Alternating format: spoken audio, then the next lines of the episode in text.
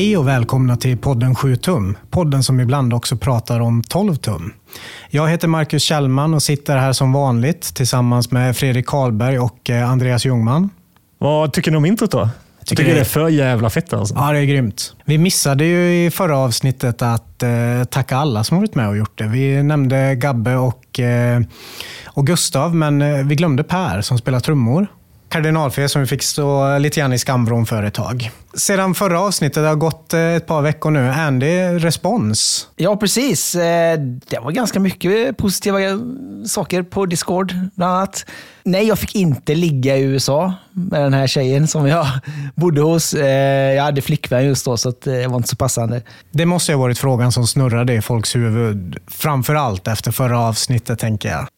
Nej, men det känns ändå som sådana här sjuka saker händer mig typ hela tiden. Eh, när vi var i USA 2012, ett gäng, eh, vi skulle på This is Hardcore i Philadelphia, så eh, mellanlandade vi i New York och eh, skulle vara där några dagar. Vi bodde då på ett hostel i Harlem. Efter att vi bott där då så åkte vi vidare till Philadelphia och This is Hardcore. När vi kom tillbaka sen till New York så skulle vi bo på samma hostel igen. Och när vi kommer liksom, hoppar av tunnelbanan och eh, börjar närma oss eh, stället där det låg så ser vi att det är så avspärrat med polistejp och så. Eh, och eh, så står det ett tv-team på plats. Eh, och Det var typ bara vi som var där och det tv-teamet. Så de liksom rusar fram till oss och, och, och, vill börja intervjua oss där. Och Då visar det sig att det är en snubbe som har blivit eh, mördad på det här, eh, på det här hostelet bara någon dag innan. Så de började ju liksom intervjua oss där i, i lokal-tv och ställa massa frågor och jag på min knaggliga jävla engelska ska liksom förklara eh, vad vi gör där och, och eh, de vill få oss att liksom sådär, eh, säga att eh, ja, men Harlem det är, det är liksom ett, ett farligt ställe och så här, här vågar man nog inte bo liksom, för det händer massa galna grejer och sådär. Men vi, vi var nog ganska eh, snälla sådär och ganska obrydda, så de tror de tröttnar på oss faktiskt. Eh, men i alla fall, så, eh, när vi kommer in där då och eh, ska få vårt rum och sådär, så försöker vi lite så snällt att ah, alltså, vi skulle kunna få pengarna tillbaka kanske och bo någon annanstans. Eh, men han vägrade, ju han som hade stället, då, att eh, ge några pengar tillbaka. Så vi, ja, vi sa att ah, vi får väl, får väl skita vi får väl bo här då. Så vi frågade han så här, bara, ja, men det var inte, det var inte vårt hotellrum där det hänt någonting. Det var inte där killen blev mördad. Eh, och han bara, nej, nej, nej, nej, det, nej, det är inte i ert rum. Eh, men vi fick nycklarna och så när vi kommer in i rummet då, så, så ser vi typ att det är ett, ett hål i väggen och vad vi tror är så blodstänk och sådär. Men du lämnade inga cliffhangers den här gången. Du fick inte ligga och du var inte inblandad i mordet heller. Nej, ingenting sånt Nej, faktiskt. Så behöver inte folk eh, spekulera i det. Nej, precis. Sen, sen verkar det vara som att saker du säger hamnar lite grann i fokus. Och en eh, mycket rimlig och relevant fråga är ju, vet du vad en betongsugga är för någonting? Alltså, jag vet ju vad en betongsugga är och exakt hur den ser ut. Och Det här är ju som en betongsugga fast något mindre, mindre skala. Liksom. Och För att sätta in det i kontext, så i förra avsnittet så sa du att vid en demonstration så sular någon en betongsugga in i en polisbil. Precis. Och Då är det ju så att folk tänker, är, är det fysiskt möjligt? Jag är fullt medveten om att eh, en riktig betongsugga den kan man inte riktigt lyfta och bära runt på. Sådär. Så att, eh, det är, liksom, en lite mindre variant. Som är litet, eh, Stor som en julskinka ungefär? Ja, men typ. Som ett litet gupp. Eh, sen sist, vi har varit ute på vägarna. Det tillhör inte vanligheten att alla vi tre är ute tillsammans och åker och går på spelning. Men i lördags, då jäklar. Då hände det. Mm. Tur ner till Malmö. Det ska ändå tilläggas att jag under flera år har funderat på att bara sätta mig i bilen och åka ner dit för att jag har längtat efter Veggegården så pass mycket. Men det var inte riktigt värt det. Hur, hur förklarar du att du ställde dig upp och gick och tog mat om det var fyra eller fem gånger? Snål smålänning. Det var små tallrikar ändå du Jävligt tog. Små det var inte, det var inga stora portioner, men Nej. det var ändå fem gånger. Alltså. Det ska, ja, du, du ska då ha en eloge för. Det. Jag var hungrig också, kan jag tänka mig. Ja, men Veggården var ett sånt ställe som vi alltid käkade på med Stay Hungry när vi skulle ut i Europa. Antingen när vi skulle ut i Europa eller när vi kom hem från turnén. Det var liksom, det var, alla, vill, alla ville käka på Vegegården. Det var liksom den stora grejen. Sådär. Jag som aldrig har käkat det tyckte att det var jäkligt bra. Det var ju någon spelning på kvällen där också tror jag. Ja, vi funderade ju på att dra hem efter käket nästan. Alltså. Ja. ja, det, var, det var inte som i Göteborg där banden går på typ eh, halv åtta och sen kan man eh, dra hem vid nio tiden eller något sånt. Den här eh, börjar banden spela framåt nio. Det är lite andra tempo. Ja, lite annan vibe i Malmö också va? Alltid varit det. Det är lite smutsigare och stökigare. Är det. det är inget mors, eller det är mors, men det är liksom inget, det är inga liksom, rundsparkar och liksom att folk vevar. Liksom, utan det är Mer snarare- pushpit är det. Mer- Mer pushpit och så här, hoppa in i folk typ. Spilld öl. Och så öl överallt. Och så här. Bara att man går in genom ett fönster ner i källaren sätter ju stämningen på, på något vis. Va? Ja, ja men det, det måste jag säga att jag gillar ändå. Jag gillar när det är lite så här udda lokaler, vilket vi har snackat om tidigare. Men det var ganska okej lokal ändå. Det Ja. var ju de här eh, Frasses eh, fulflytt. De har ju någon så här flyttfirma med typ men ganska politiskt med punkare och sådär. Som, eh, som har lokal där. Så jag tror att de typ renoverade cyklar också. Jag tror inte det var renoverade cyklar, jag tror det var stulna cyklar som var slängda i hörnen. Det kan det nog vara kanske. Ja, var Staffan, vår kompis, satte upp eh, spelningen. Och, eh, spelade, gjorde, förutom hans band, Manic Ride, Big Babe, Obnoxious Youth och eh, Göteborgs Dogfight. Vad tycker vi om eh, bandens insats den här kvällen? Jag skulle nog nu i efterhand säga Dogfight. Kanske inte det mest polerade och eh, välrenommerade bandet, men det var varken eh, power metal, gubbrock eller punkrock, eh, utan det var hardcore. Och det var det jag kände att ja, men det här gick hem hos mig. Och att de är så peppade också. Precis, På- ja, de är lirar. ungdomar. För jag tänkte Ja. det när man tittade ut över rummet. Resten som var i lokalen, förutom de Göteborgskidsen som hade kommit hit, de var ju 35, började närma sig 40 och jag tänker så här, vem kommer de här spela för inom ett par år när folk tröttnar gå på spelningar när det inte kommer några nya kids som fyller ut det utrymmet som blir? Det var ju en viss skillnad på när Dogfight spelade och när de andra spelade på responsen på publiken också. Precis. Eh, Dels var det ju mycket mer folk efter att Dogfight hade spelat. De spelade ju lite före utsatt tid. Så det var inte så mycket folk i lokalen än. Och de fick ju bra respons, men det var ju framförallt från tillresta göteborgare. Det var ju det. Och mm, lite annan mors som inte de är vana vid riktigt. Så här. Nu, alltså, nu, det blir lite vev och sådär. Eh, Just med de här morstvillingarna som har flyttat ner. Eller i alla fall en bor ju där tror jag. Så de är ju inte riktigt vana vid det här att, att, att folk morsar på det här sättet. De vet liksom inte hur de ska liksom reagera. För att förr var det ju alltid, då blir man ju typ utslängd nästan om man, om man betedde sig så. Liksom. Men, men det var ju också ett eh, återkommande fenomen under kvällen var att folk betedde sig jävligt illa på stället. Och Jag kan tänka sig att det hade varit jävligt udda ifall någon blev utkastade för att de morsade när det fanns andra som typ välte PAn och förstörde grejer och hävde öl i förstärkare och allt vad som hände. Någon ramlade in i en förstärkare och en topp som välte och då slog ut en öl som då rann ut i Affes bastopp. Och han berättade precis innan han skulle liksom rigga upp där att ah, fan, den här jag köpte var Petain. Så jävla gött. Så ny. Fan, skitpeppad. Jag som stod alldeles bredvid där det hände försökte ju rädda detta genom att snabbt eh, få bort den där ölen som låg ovanpå toppen och man såg hur det rann ner. Så när Affe riggade upp sa han, hoppas det inte börjar brinna nu. Och jag fick nästan skiten över mig också. Ja, men det är lite, lite stökigare än vad det är på till exempel en eh, Moral Panic-spelning. Och inte på ett positivt sätt, utan så här lite tråkigt. Bara, vad fan, kan inte folk bete sig? Och det tänker jag, det är nog säkert ett, ett eh, beroende på perspektiv. Det finns säkert de som skulle tycka att en Moral Panic-spelning är tråkig. Och att, och att det här är, är mycket roligare. Ja, Men, för man får eh, dricka bärs och sådär. Ja, men precis. Och och det är lite mer så här tillåtande att man kan bete sig på ett visst sätt i Malmö. tänker jag. Ja, men det, är jätte, det är flera ställen i Göteborg och Stockholm och så där också. När man är full. Att, ja, men det är lite mer så här förlåtande på något sätt. Att, Skyll inte på mig, jag var ju full. ja, men typ så alltså. Ja.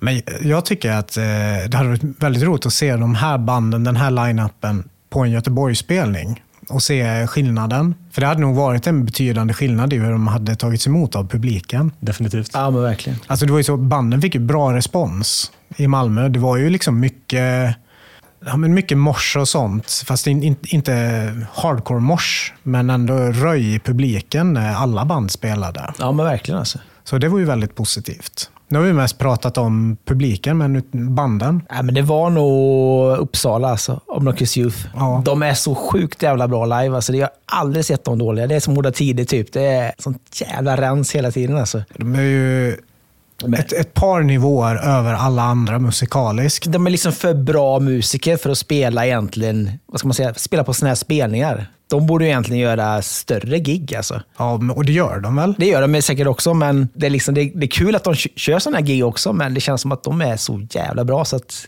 Sen är det så här, om, om Ja. de gör större gig, är det lika bra då tror du? Eller tappar de någonting? Alltså nu, nu är man ju där, man står ju bredvid Affe när han spottar sig själv i ansiktet. Och ja, men precis. Det blir lite... Och han, det, hamnar han uppe på en scen fem meter från publiken, det, då tappar ju bandet Det ska nog en del vara- av sin grej. Det ska nog vara lite intimt, så här, lite, lite mindre scen såklart. Och så där, men Det hade ändå varit kul att se dem på Ullevi. ja, Inför, spela förband till Metallica eller Iron Maiden och något liknande. Det kommer ju aldrig hända. Bara för att se och bara för att se reaktionen hur det bland låter. folk. Liksom. Ja. Ja.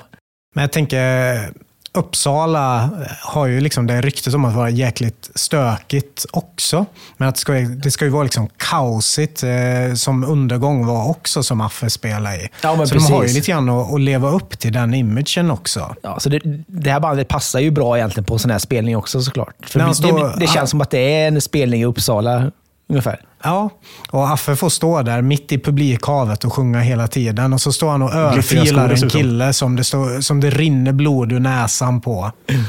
Då, då känns det som att ja, men det är lite det det här bandet handlar om. Ja, men jag skulle säga att det är fan Sveriges bästa liveband. Typ. Alltså, jag, jag blir helt jävla knockad varenda gång. Alltså. Musikaliskt, ja. Musik, ja. Sen, sen tycker jag att eh, och Hårda Tider till exempel, det, de får ju, det är ett väldigt bra liveband fast på ett annat sätt. ja, men precis. Som, som vi pratade om förra veckan, att de får ju alltid sån sinnessjuk respons från publiken. Det får ju inte Obnoxious Youth på samma sätt. Alltså tycker jag de spelar tio minuter för länge, men det är väl det här hårdrocksarvet de har bakom sig, att eh, de sätter långa set. Ja, men det är grymt, men folk kan inte texterna. Det blir inte de här singalongs som det kan bli med till exempel ett band som Hårda Tider. Nej, men Utan verkligen. det är ju mer men det, det är kaos och de är fruktansvärt duktiga på att spela.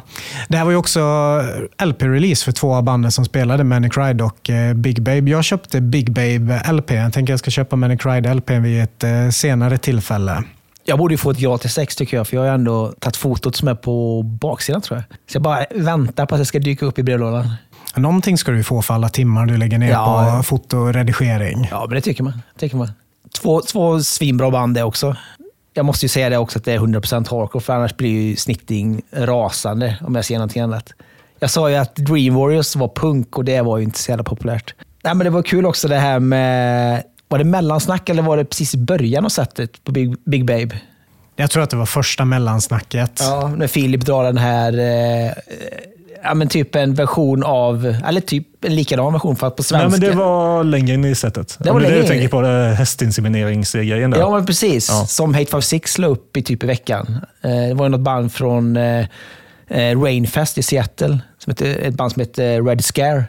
Som eh, i sitt mellansnack snackar om det här att han har jobbat med hästinseminering och ja, i den biten. Och det är väldigt politiskt sådär. Ja. Och det, och det var någon som skrev någon, någon kommentar på detta, att det var något så här, utdrag från eh, Karl Marx, eh, någon av hans böcker. Om det, om det är så, jag vet inte om det här kanske var ett citat eller om det var någonting som den här snubben i det här Red Square som själv hade upplevt. Inte en aning alltså. Så om det är någon som vet så är det bara att höra av sig. Alltså.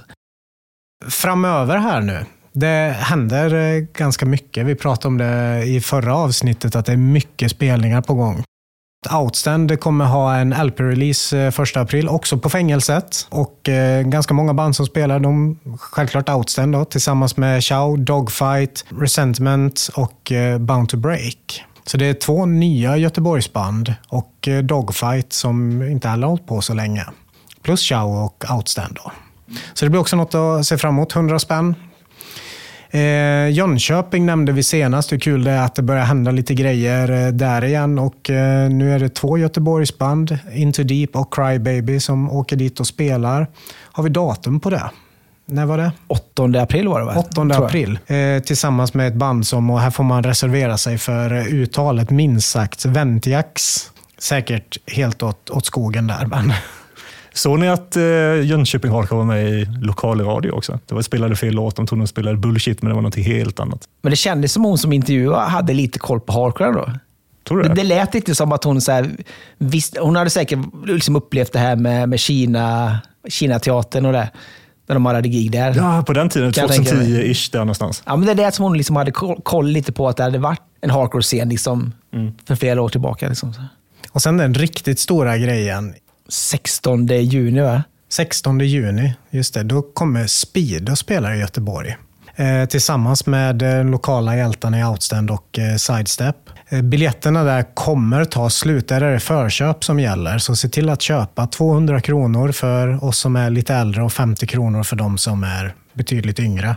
Speed, någonting du lyssnar på Andy?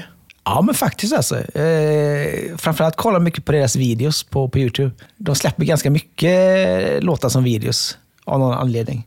Hardcore-modellen hårdare. Ja, men lite så Trapped on Ice-aktig typ. Eh, ganska macho-video. Men jag tänker det har blivit rätt vanligt med musikvideos. Endit spelar ju också in musikvideo till var och varannan låt. Ja, men precis. Det var ju ett tag när typ ingen gjorde det. Liksom. Det var bara så metalcore-band ungefär. Ja, typ man kommer ihåg de gamla Madball-musikvideorna. Ja, men ungefär det. Eller liksom, ja. Men det kanske handlar om att synas på så många plattformar som möjligt. Antagligen, för att YouTube är väl liksom, det är väl YouTube och TikTok som är liksom störst Där kidsen hänger. Ja. Förutom på spelningsfronten så händer det mycket andra spännande projekt i svensk hardcore just nu. För ett litet tag sedan så kunde man läsa att eh, Mark från Håll det Äkta tillsammans med Svensk Hardcore-kultur har startat ett samarbete med att ge ut merch med band från 90-talet. Och vi startade ju alla vår eh, hardcore-bana under 90-talet så det här är givetvis någonting som intresserar oss.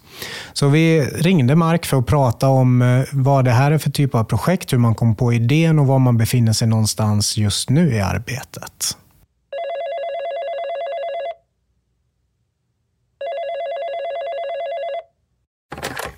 Då välkomnar vi Mark Strömberg till eh, podden 7 tum. Hur är läget med dig?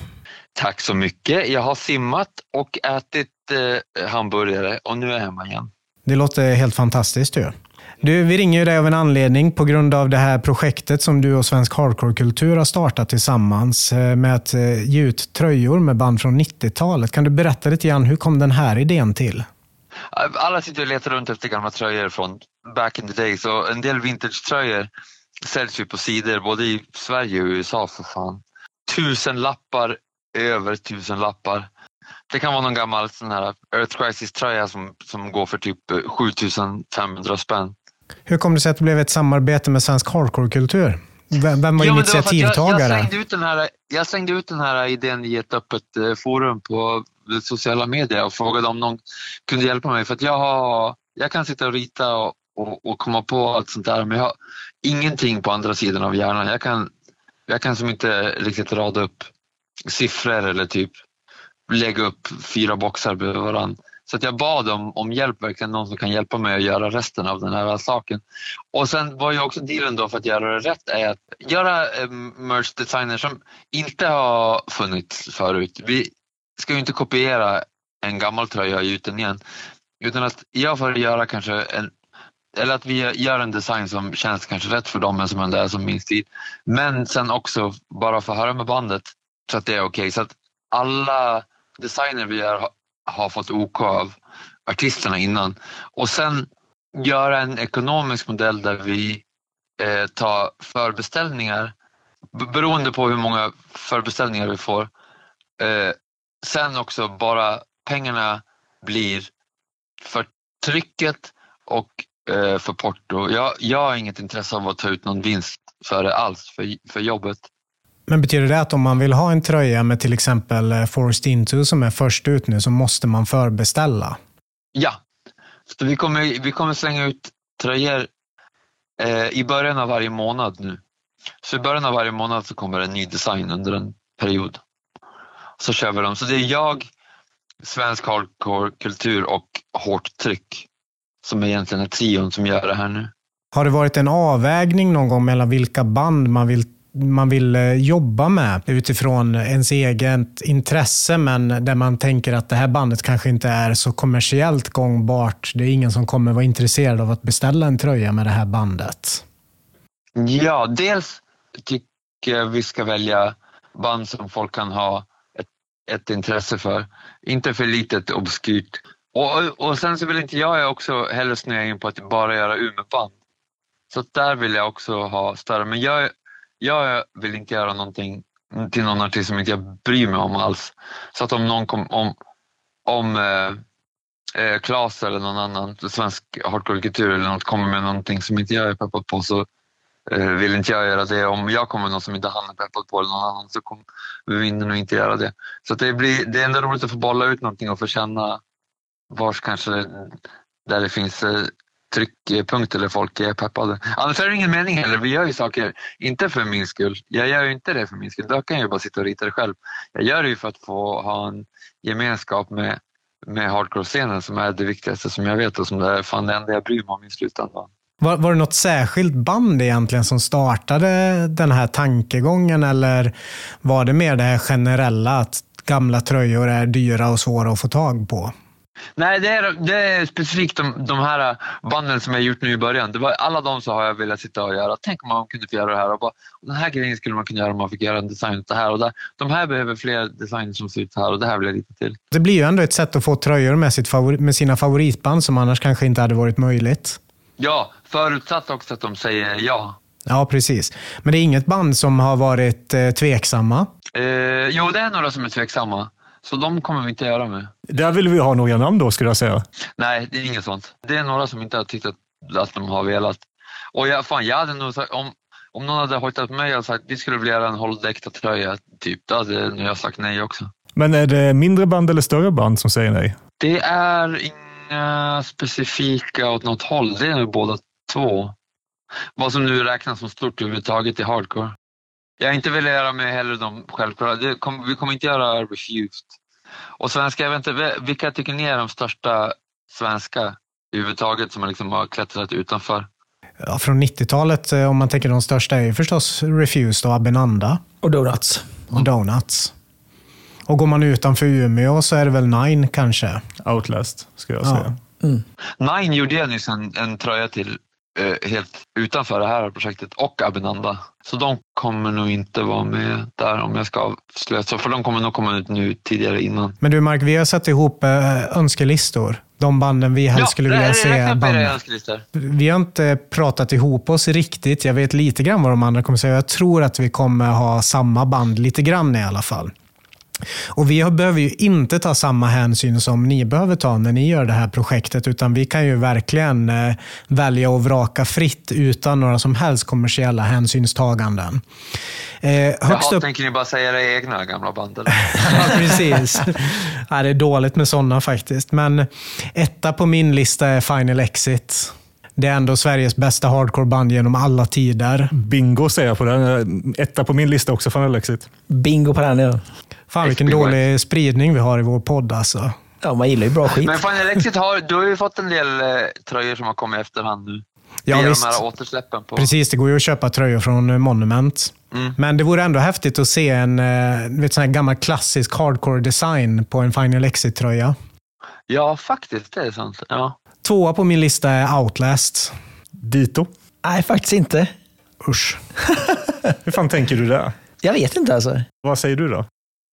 Är de för glada för dig, Andy? Nej, nej, alltså svinbra band och så här. Jag bara tänker på, vi, vi lånar ju den här Outlast, den här ramen som de använder för att trycka Ja, loggan. just det ja. Kommer du ihåg det? I, Jajamän. I Göteborg. Och tryckte en jävla massa. Det var inte så här jättebra, för den var rätt gammal, så färgen liksom... Nej, ramen var ju, den har jag sett bättre dagar om man säger Ja, så. precis. Så vi gjorde lite egen merch där. Så att, Men för oss som är liksom old school hardcore-fantaster så är ju Outlast ett eh, givet band ändå. Vad har du tvåa på din lista då, Andy? Start Today från Vänersborg. Det är en klassiker. Har väl typ släppt en demo och en sjua, En sjua. med två låtar, va? Två låtar. Och sen eh, Någon samlings... kom, komplåt också. Just det. Mer då? Trea har jag Red Tape, Outlast-klonen nummer ett. Från Stockholm. Och, och där tänker jag att eh, det kommersiella intresset är max 10 personer. Men det är så jäkla bra sjua de gav ut. Ja. Folk kanske får upp ögonen för dem genom en tröja. Ja, kanske. Red Tape har jag aldrig haft någon relation med alls faktiskt. Inte Start Today heller. Red Tape, du, sjuan måste du lyssna på från Red Tape. Den är, den är svinbra faktiskt. Och Start Today tror jag du skulle älska. De gjorde en, eh, en demo och en, eh, en sjua. Det är ju hård hardcore, metallisk hardcore. Med två sångare. Ja. är det. Som var jävligt straight då, som inte är lika straight idag. Det är väl kanske bara en ur bandet. Trea på din lista Fredrik. Trea på min lista, Eightfold. Eh, Eightfold. Jajamän. Vänta nu. Från... Västku- eller västkust. Västerås. ja. Från Halmstad? Nej, inte. Halmstad. Nej, östkust. Eh, Det här borde jag ha kollat upp innan varifrån de var. Är de Västervik eller? Västervik eller Oskarshamn. Ja, just det ja. Men tro, tror ni att någon av de här tröjorna hade, hade nått ut till så pass mycket folk? Eller blir det bara att vi gör tio stycken? Det är ju det är bara för att vara ett band som jag växte upp med när jag började lyssna på hardcore. Men däremot eh, Final Ja. Exit och Outlast tror jag definitivt hade funnits eh, ett intresse av. Alltså bredare intresse än än oss som sitter här i rummet. Absolut. Mm, det tror jag, ja, det tror jag nog också. Andy, trea på din lista. Ja, jag har ju Drift Apart som trea där. Är det Oh, Umeå-band eller är Det det, är Umeå, men Luleå? Umeå va? Det är Umeå kanske. Ja, det är. Men eh, finns det ens någon merch med dem? Från, från 90-talet? Jag tror inte det. Alltså. Jag, jag, jag Det skulle tycker, vara första gången det blir en Drift Apart-tröja då kanske. Möjligtvis. Jag gillar ju Ja. det här eftersom att jag hade ju typ inte råd att köpa tröjor på den tiden. Man köpte liksom en tröja kanske om året ungefär. Så här, turnerande band eller beställde eller sådär. Så det här är ju skitbra liksom. Köpa på För där finns, där finns en rolig aspekt också. För då, om, om, man kan, om man kan hitta band också som hade typ ingen, ingen tröjdesign ens då, back in the days. Och det kan man fylla ut nu. Då, fyller man, ut- då blir det nästan som en dubbelpunch ju. Ja, verkligen. Men de har ju nytt material på gång kanske. det är fan en skräll, om inte annat. Jag har ju önskat att vilja ha tröjor med både Eclipse och Situation 187. Eclipse vore häftigt. Vilken, eh, vilken era av Eclipse gillar du bäst? Jag är ju svagast för sjuan, Ja. Bonafide. Men du, Mark, vi tackar så mycket för intervjun. Så ser vi fram emot eh, fler tröjor eh, i framtiden. Tack snälla. Första april så kommer det en ny. Idag vänder vi blickarna mot Linköping och pratar om Nowheres, ett eh, nytt svenskt band. Fast hur nya är de egentligen? De har väl hållit på ett litet tag ändå? Ja, det är väl ett par år. De har ju en, en demo bakom sig. Och eh, nu har det snart en skiva på gång och det är av den anledningen vi vill prata med Simon idag, som spelar gitarr i bandet. Simon är ju en person som vi har koll på och har haft koll på väldigt länge. Han har ju spelat i väldigt många olika band som vi har lyssnat på genom åren och varit och tittat på på otal spelningar. Vilka, vilka band tänk, förknippar ni med, med Simon i första hand? Om vi inte tänker Nowheres. Promo Point. Utan tvekan skulle jag säga. Last Hope. Eh, jag gillar ju tidigare Last Hope. Jag gillar inte alls senare Last Hope. Och vad menar du? För Last Hope är ju ett band som finns i, i flera olika versioner. Tänker du på första demot med, med Kalle på sång då? Nej, jag, jag tänker fram till eh, LPn LPn, ja. med Marcus som Precis. sjunger. Andreas? Ja, Simpa ja. Eh, Han har även bott i Göteborg ett tag också. Ja, Jag vet inte hur länge det var riktigt, men Det var ju runt kanske. 2002-2003 där någonstans. Ja, det var innan jag flyttade till Göteborg. Jag flyttade ner 2004. Det var ju under en period där eh, väldigt mycket band kom till Göteborg. Vi hade ju Striking Distance, vi hade en American Nightmare, Count Me Out. Ja, precis. Det var mycket spelningar i, Göteborg där. och vi måste ju nämna Born Bad också. Anton Ranväg på sång. Som spelade in en demo, men Utan- utan sång var det utan ja. sång, Just det, precis. Musiken finns nog, Ja. men inte sång då. Det var ju sjukt bra, verkligen. Simon var ju också en eh, fanzinförfattare. Extra Life fanzine. Precis. Kommer ihåg att man läste någon gång där, måste också ha varit runt 2000, början på 2000-talet någon gång. Ja, det var nog när jag började lä- lära känna Simon, tror jag. Jag träffade honom typ första gången i Trollhättan 99, tror jag. Och Då har jag för mig att han hade med sig scenen där. Det var någon som fyllde år vet jag, där i Trollhättan och, och vi var där och hängde. Typ. Ja, jag, tror att han, jag tror inte han gjorde många nummer. Två, tre stycken eller något sånt kanske. Sen gjorde han ju ett till fanzine som hette Fuck you, give it back. Kommer ni ihåg det? Inte alls. Nej. Jo, det var ett så här jättekaxigt fanzine. Med eh, alla bilder han hade var ju på band och så stod det under så här typ Section 8. When they used to go to local shows. Eller, eh, ja inte vet jag, något band som var straight edge. Och så en bild på dem. Back when they were still straight edge and cared about hardcore. Kanske han fick äta upp sen. Yes. Men nu spelar han i, i Nowheres. Aktuella med en EP på belgiska Genet Records. Vi har ju hört lite grann av den och eh, Ja, jag fick ju äran att lyssna på hela skivan i somras och det är ju någonting man funderar på varför det tagit så lång tid att få ut den. ja, det är väl någonting vi får fråga, fråga Simon om. Vad har ni fått för intryck av eh, skivan? Goran har ju spelat upp den flera gånger, men jag har inget minne riktigt av hur den eh, låter. Sådär. Förutom en låt som eh, är släppt. Det är ett band som inte alls låter som något av hans eh, tidigare band egentligen. Nej, men verkligen. Om, nu, nu var det i somras, det, det var ett bra tag sedan, men om inte jag minns helt fel så lät det väldigt mycket som demot, vilket gläder mig för jag tycker demot är svinbra och eh, på något sätt så hoppas jag att de inte utvecklas för mycket utan så håller sig vid den stilen och inte gör det svårare än vad det egentligen är. Men det tycker jag är tydligt när man lyssnar på, på bandet på Spotify och bara trycker på play när man tar upp Nowhere. Så att det är svårt att höra att ja, men här är demot och här är, här är låten från skivan. Det känns som att det smälter ihop väldigt bra med varandra. Mm. Så det, det är ju en tydlig eh, koherens i soundet. Ja, verkligen. Mm. Det låter ändå ganska typiskt svenskt på något sätt. I alla fall sången tycker jag. Ja, den är ju typiskt svensk. Typisk men... skriksång så. Det är liksom inte vanligt. För det, musiken är ju lite, lite emo, lite emotionell. Svårt att se några andra svenska band med ett eh, liknande sound. Det, man, går man över Atlanten så kan man ju hitta en hel del band som drar åt det hållet. Men i en svensk kontext så är det ganska ovanligt. Jag tycker att de låter ganska mycket som As Friends Rust från Florida.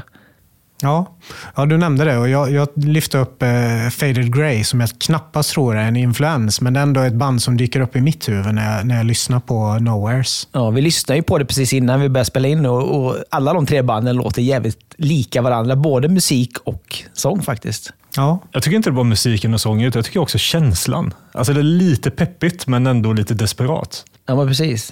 Det är lite texter som, eh, som handlar om någonting, men samtidigt inte handlar om någonting.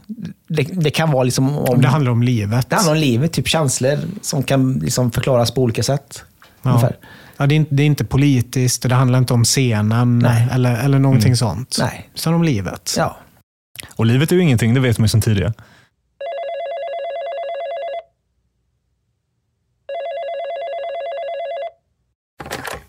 Då välkomnar vi Simon Pettersson till 7-tum-podden. Eh, Hur är läget med dig?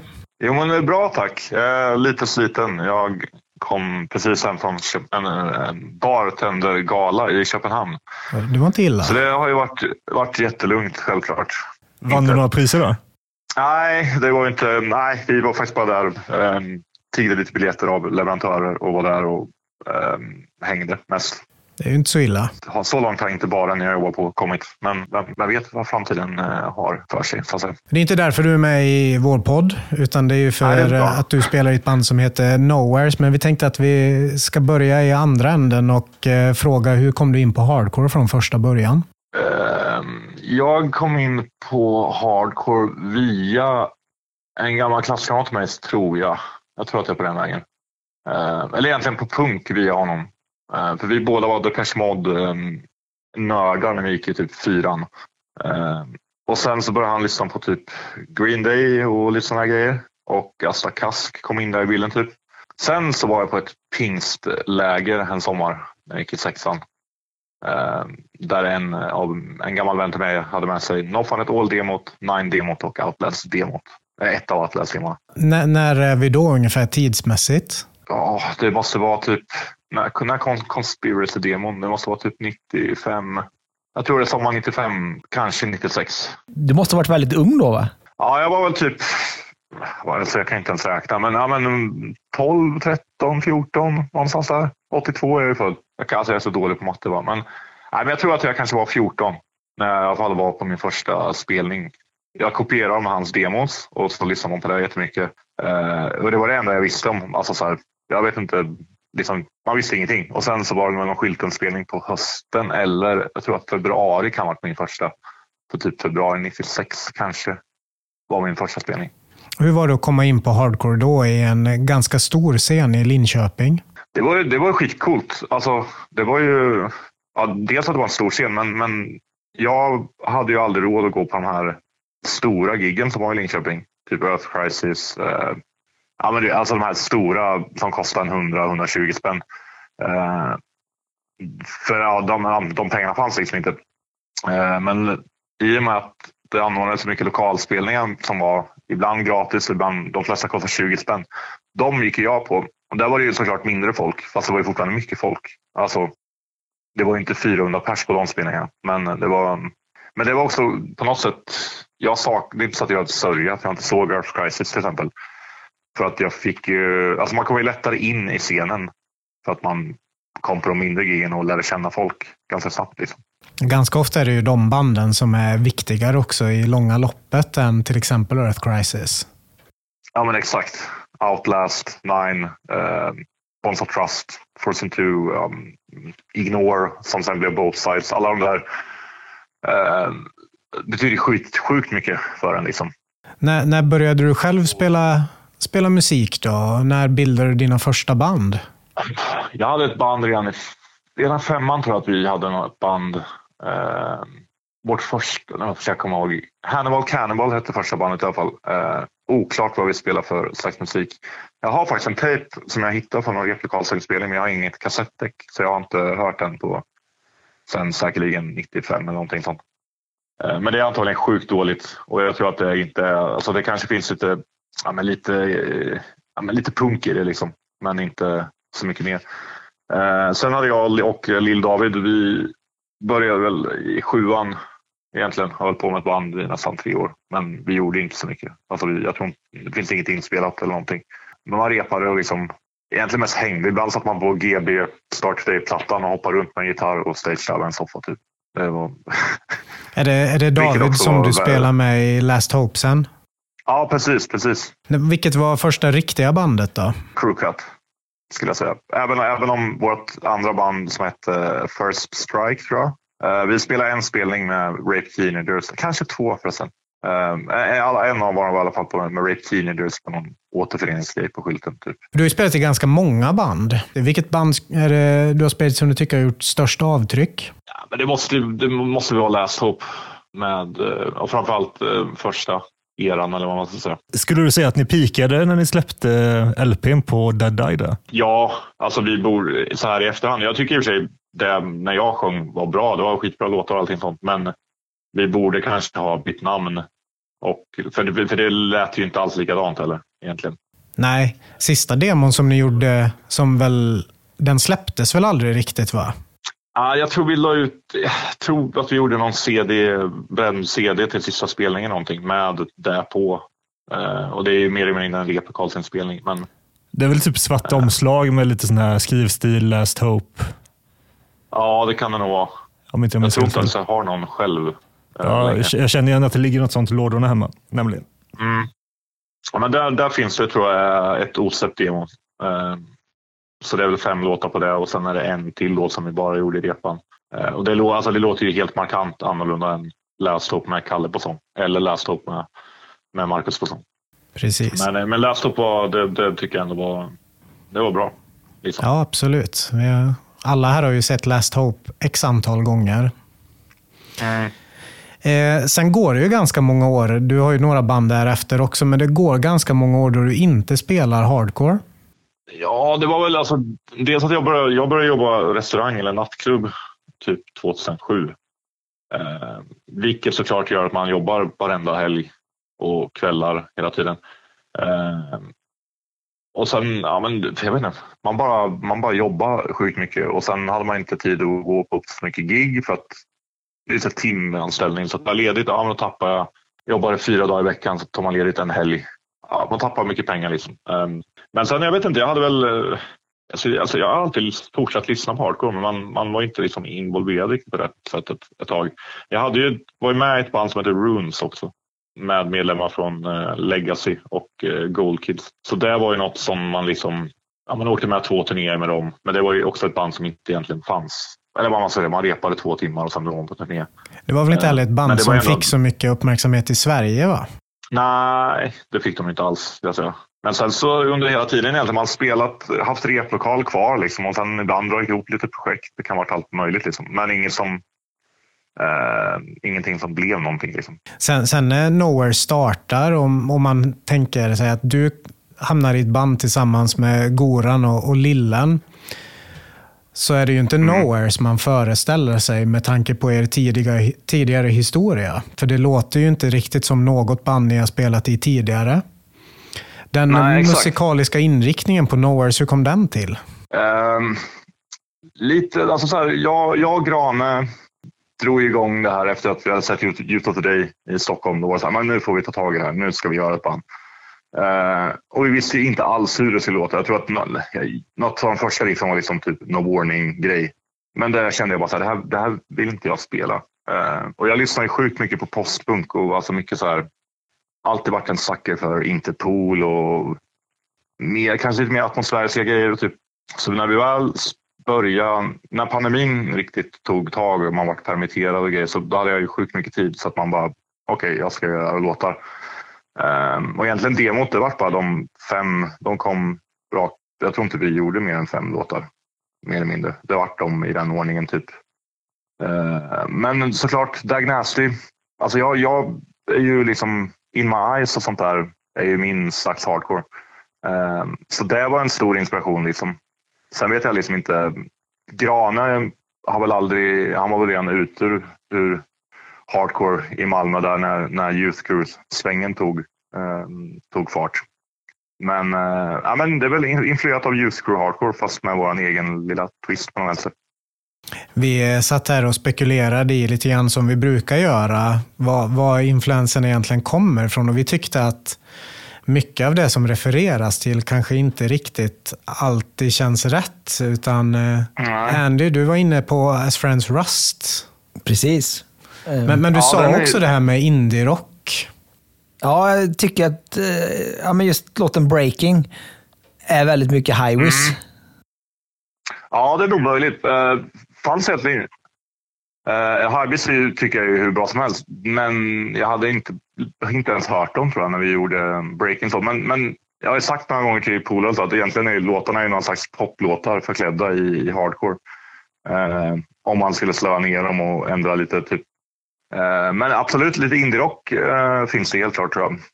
Jag, jag hade en spaning som jag tror att du absolut inte kommer hålla med om. Men när jag lyssnar på Nowhere så tänker jag ibland på Faded Grey.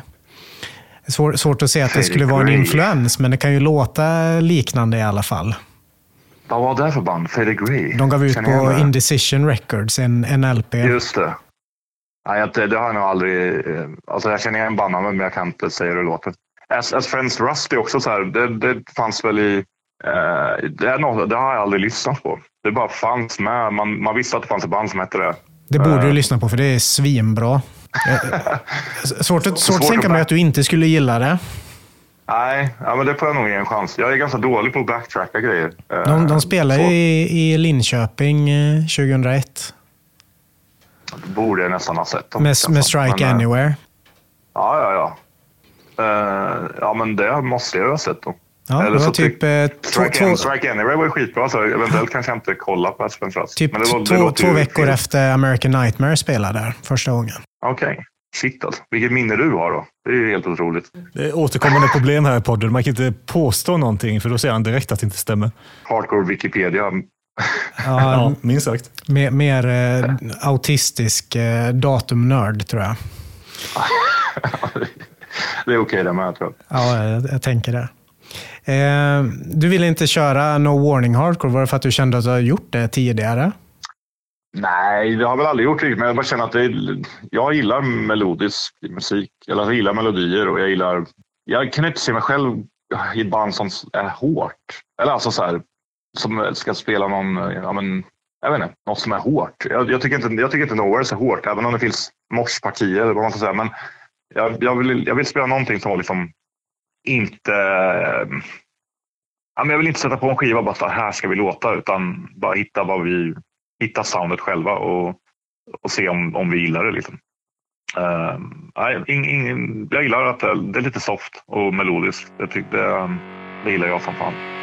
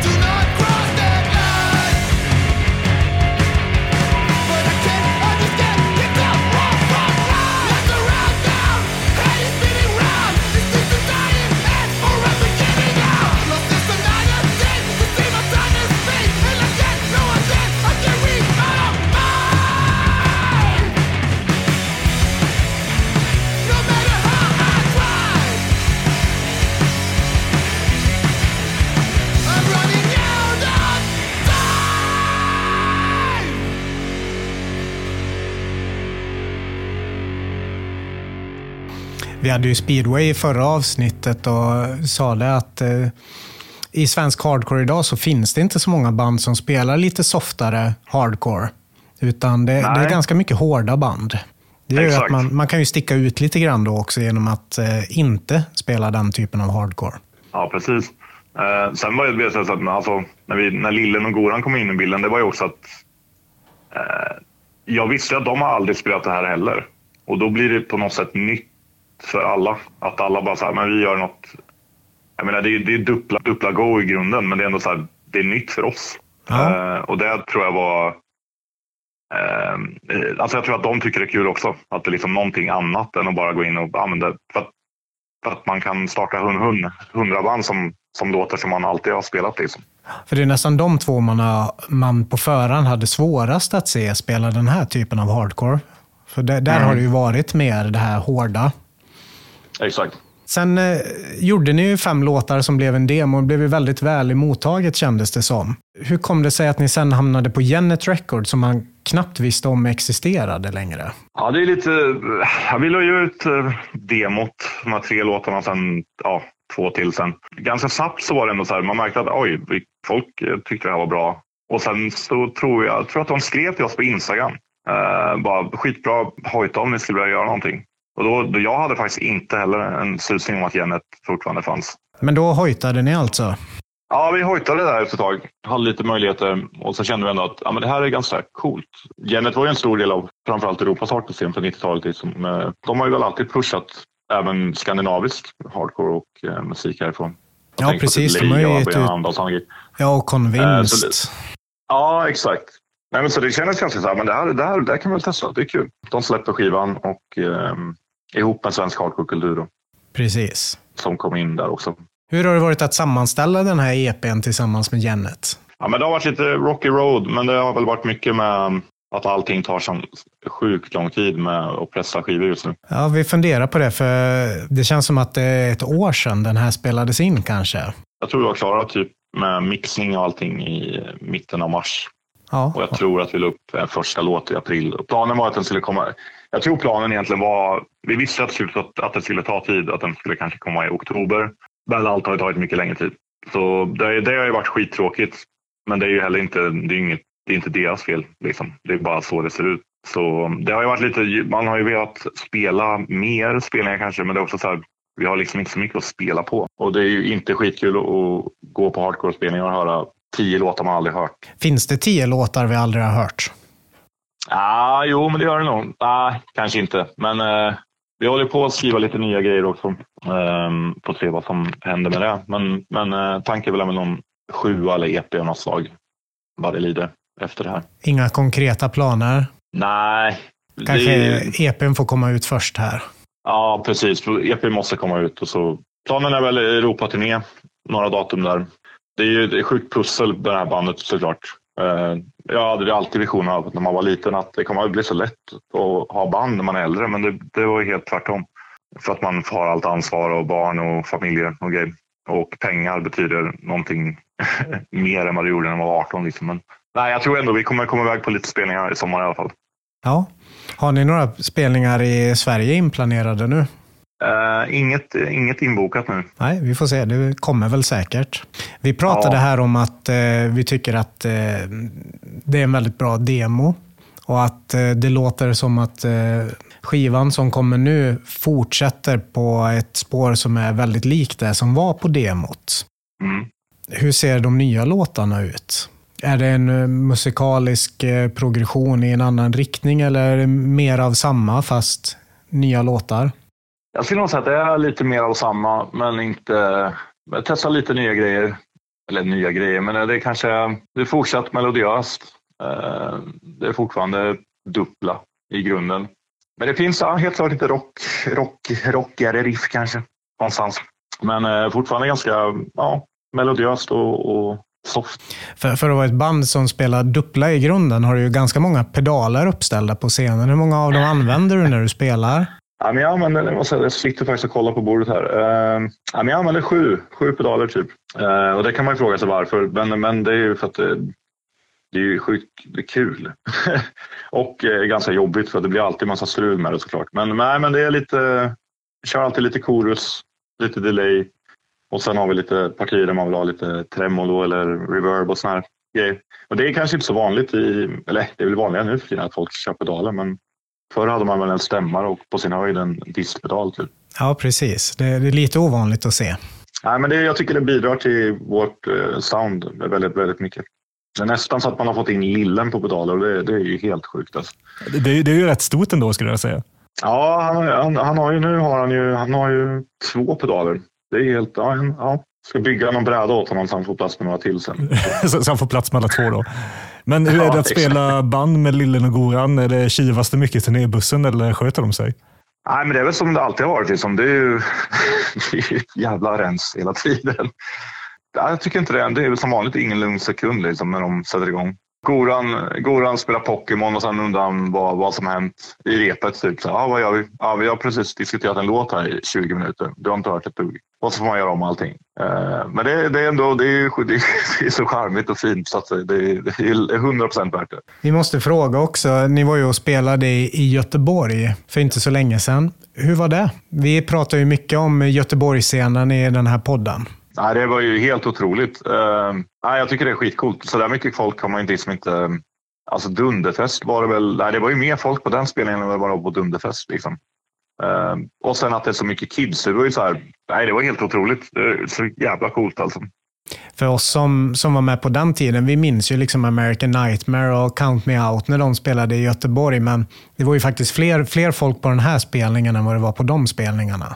Ja, gud. Ja, det, vad, kan det varit på alltså, AN på Mets? Det kan inte ha Det varit var mer än- 130 pers. Är det här något du har i din Wikipedia-hjärna? Ja, men ifrågasätt Nej, inte. helt, helt sjukt alltså. Men ja, man 100, 130 på, ja, och det minns man ju som ett, ett sjukt bra gig. Och även Count Me Out.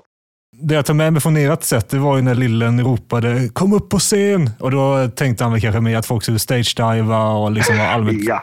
Jag tror att det var, jag tror att det var Goran som ropade upp folk Ja, på var- det var scen faktiskt. Ja, sa det var Goran som gjorde det. Ja, jävla Ja, jag vill se genidrag. all, mer folk på scenen på golvet. Och sen tänkte Goran att ja, då ska ju folk stagea ut. Men nej, Lillen var väl lite, han fick ju inte plats där riktigt. Han, var- han var inte jättenöjd. Men han kunde heller inte säga, säga åt någon att flytta. Han, han stod där och hoppade så jag för att ens se ner till publiken. Ja. Nej, det var skitkul. Björn stod inklämd och hade typ armbågen i en cymbal tror jag också på grund av det. Men, men det, det, det, det var ändå bra liksom. Jag tyckte det var så coolt. Man såg liksom folk med en Metallica-tröja med X på händerna och eh, någons son med en fotboll i ryggsäcken som crowdsurfar över hela lokalen. Det var, ju, alltså, nej, det var helt sjukt. Vilken jävla scen alltså. Vad tror du om möjligheten att eh, bygga upp någonting i Linköping igen då? För det är ju en stad med otroligt stolta hardcore-traditioner. Ja, men vi försöker ju lite, eller vi har, vi har ju startat eh, Dunderjorden. Nu är jag ju den som är, egentligen inte ska ens prata om det för att jag är enormt odelaktig för att jag har inte haft tid helt enkelt. Eh, men det är ju lite planen där eh, och vi har ju sneglat lite på Göteborg och gjort med gratis inträde och etc. Sånt. Eh, så vi får väl se.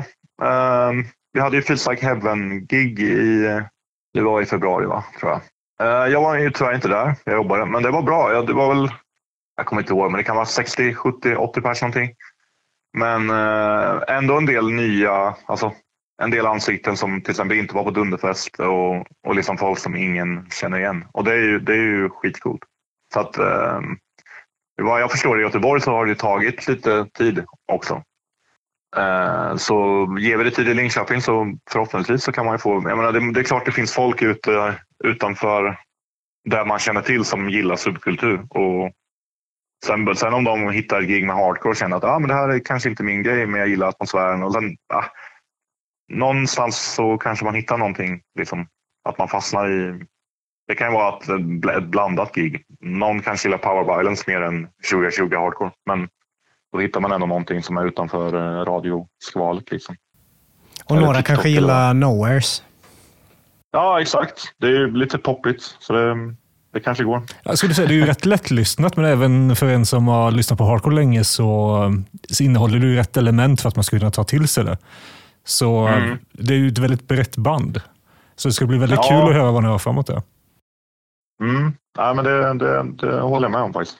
Och det finns väl ingen tanke bakom uh, så här, nu ska vi göra någon slags hit i, eller alltså så, men det är väl bara så det blir, eh, tror jag. Eller har blivit. Det är väl alltså, det är vanliga klassiska uppbygget egentligen. Mm. Man, man har ett ja, men intro, vers, refräng, någon dryga och mors. Eh, men där har jag försökt att kanske mm, nyansera lite. Jag sitter mycket och bara lyssnar på allt möjligt som man bara känner, det här kanske man kan göra. Mm. Fast i hardcore typ. Uh, ibland funkar det, ibland funkar det verkligen inte. Liksom. Vilka, vilka nya band i svensk hardcore tycker du är bra? Uh, Feels like Heaven tycker jag var sjukt bra, den uh, sjuan, eller, eller demo. Nej, sjua är det väl. Uh, ja, det, det, jag tycker det var helt otroligt bra. Speedway tycker jag är bra. Crybaby tyckte jag var kul i Göteborg. Ja. Det lät, det lät jäkligt bra. Floor punch intro. Ja, men så bra pepp. Bra ös liksom. Ja, um, det finns mycket att bygga en lite, scen på. Mm, jag är lite spänd att se på vad Big Pete och Anders kokar ihop. Om det är hardcore eller om det är... Du har inte heller hört någonting från det? Nej, inte, inte mer än på Instagram. Det lilla man hör någonting. Nej, men det, det är jag spänd på att se vad det, vad det är för någonting. Det första jag märkte av från dig det var att du gjorde fanzines. Ja, det är ingenting du är sugen på att plocka upp igen? Jag hade en liten plan på det under pandemin. Eh, och börja faktiskt skriva lite. Eh, men jag, var, jag har alltid varit så sjukt dålig på att göra intervjuer. Um, om jag läser, nu kanske jag är så självkritiskt hård, men, men uh, jag tyckte aldrig, intervjuerna var ju ganska dåliga jämt. Uh, och det är väl någonting som jag fortfarande skulle känna att det här är, det är för svårt. Typ. Sen kan man göra personliga emo-fanzines eller vad man vill kalla det. Men, men det, det var inte det min tanke. Men uh, vi får väl se om jag lyckas ta tag i det här igen. Jag hade en, en Eh, jag hade en idé som jag tyckte var bra och spännande. Eh, men vi får se. En, en mer hållbar idé än uh, “fuck you, give it back”? Exakt, lite mer hållbar och kanske inte lika in your face. Uh, fick, du, fick, du no, fick du någon skit för den eller? Nej, det fick jag väl inte egentligen. Uh, nej, det tror jag inte. Det var säkert någon som tyckte det var helt idiotiskt och det, det med all rätta. Jag tycker att du får förklara konceptet här till våra lyssnare. Ja, give it, uh, Fuck you, give it back var ju bara ett, uh, ett argt straight edge fanzine. Um, men det var också sjukt rippat egentligen av ett fanzine som jag tror var från New Jersey som heter Gameplan. Som jag faktiskt har tappat bort. Jag vet att jag hade ett nummer eh, och det har jag tappat bort. Men det var, det var så sjukt bra för att det var liksom det var så ärligt fast eh, med glimten i ögat på något sätt och väldigt dissigt åt eh, åt allt möjligt till, till att Bröderna Paulsen var en någon slags kassako till whatever. Eh, så det, det, det fanns väldigt så här, jag bara, det här är skitkul. Eh, och sen var man väl, jag var väl lite lack för att kalla det doppa straight edge. Eh, där vid Firemark och hoppa av, hoppa av läslopp. Så det fanns väl lite så här, jag är 18 år och känner att, eh, ja, jag vet inte fan. Men det var kul. Men eh, det, var ju, det var ju bara ganska dumt också. Ja, to Topp tre skivor att eh, tipsa alla nya som har kommit in på Hardcrom. Vad, vad behöver man eh, kolla upp? Oh, eh, alltså över hela, inte nya skivor utan Nej, bara... Vilka är tre bra introduktionsskivor till hardcore? Oh shit. Uh, Diagnosty, can I say. In my eyes, difference between Chromax Age of Quarrel. Jag visste att den skulle komma med. Tre, ja, men då, har, då tycker jag att då har du tre skivor som eh, är lite olika. tycker jag. Men det är, ändå, ja, det är fortfarande det som är grunden tycker jag. Även om Nowhere's aldrig kommer låta som Chromax. Men, men... Jag tänkte fråga det, ringar man då också in eh, Nowhere Sound lite grann i alla fall? Ja, men, jo, men det tror jag. 100 procent. Ja, finns det några indikationer på när skivan kommer? Ja, eh, den bör nog vara ute till slutet av april, mitten av april tror jag. Så det är ju en dryg månad tror jag. Kommer ni ha releasefest då eller kör ni bara för att få ut den så snart som möjligt och börja spela in nytt? Eh, vi kommer eventuellt ha en releasefest, eh, fast vi har inte konfirmerat det. Men då är det inte direkt på en... Eh, det är inte på skylten för det finns inte tid och det är bokat tror jag. Mm. Eh, men sen får vi se. Förhoppningsvis kanske man får någon mer ett, ett riktigt gig. Men det här kanske blir mer i en butik. Vi får se. Då tackar vi Simon så mycket för intervjun och eh, ser fram emot eh, skivan som kommer. Tack så mycket. Tack själva.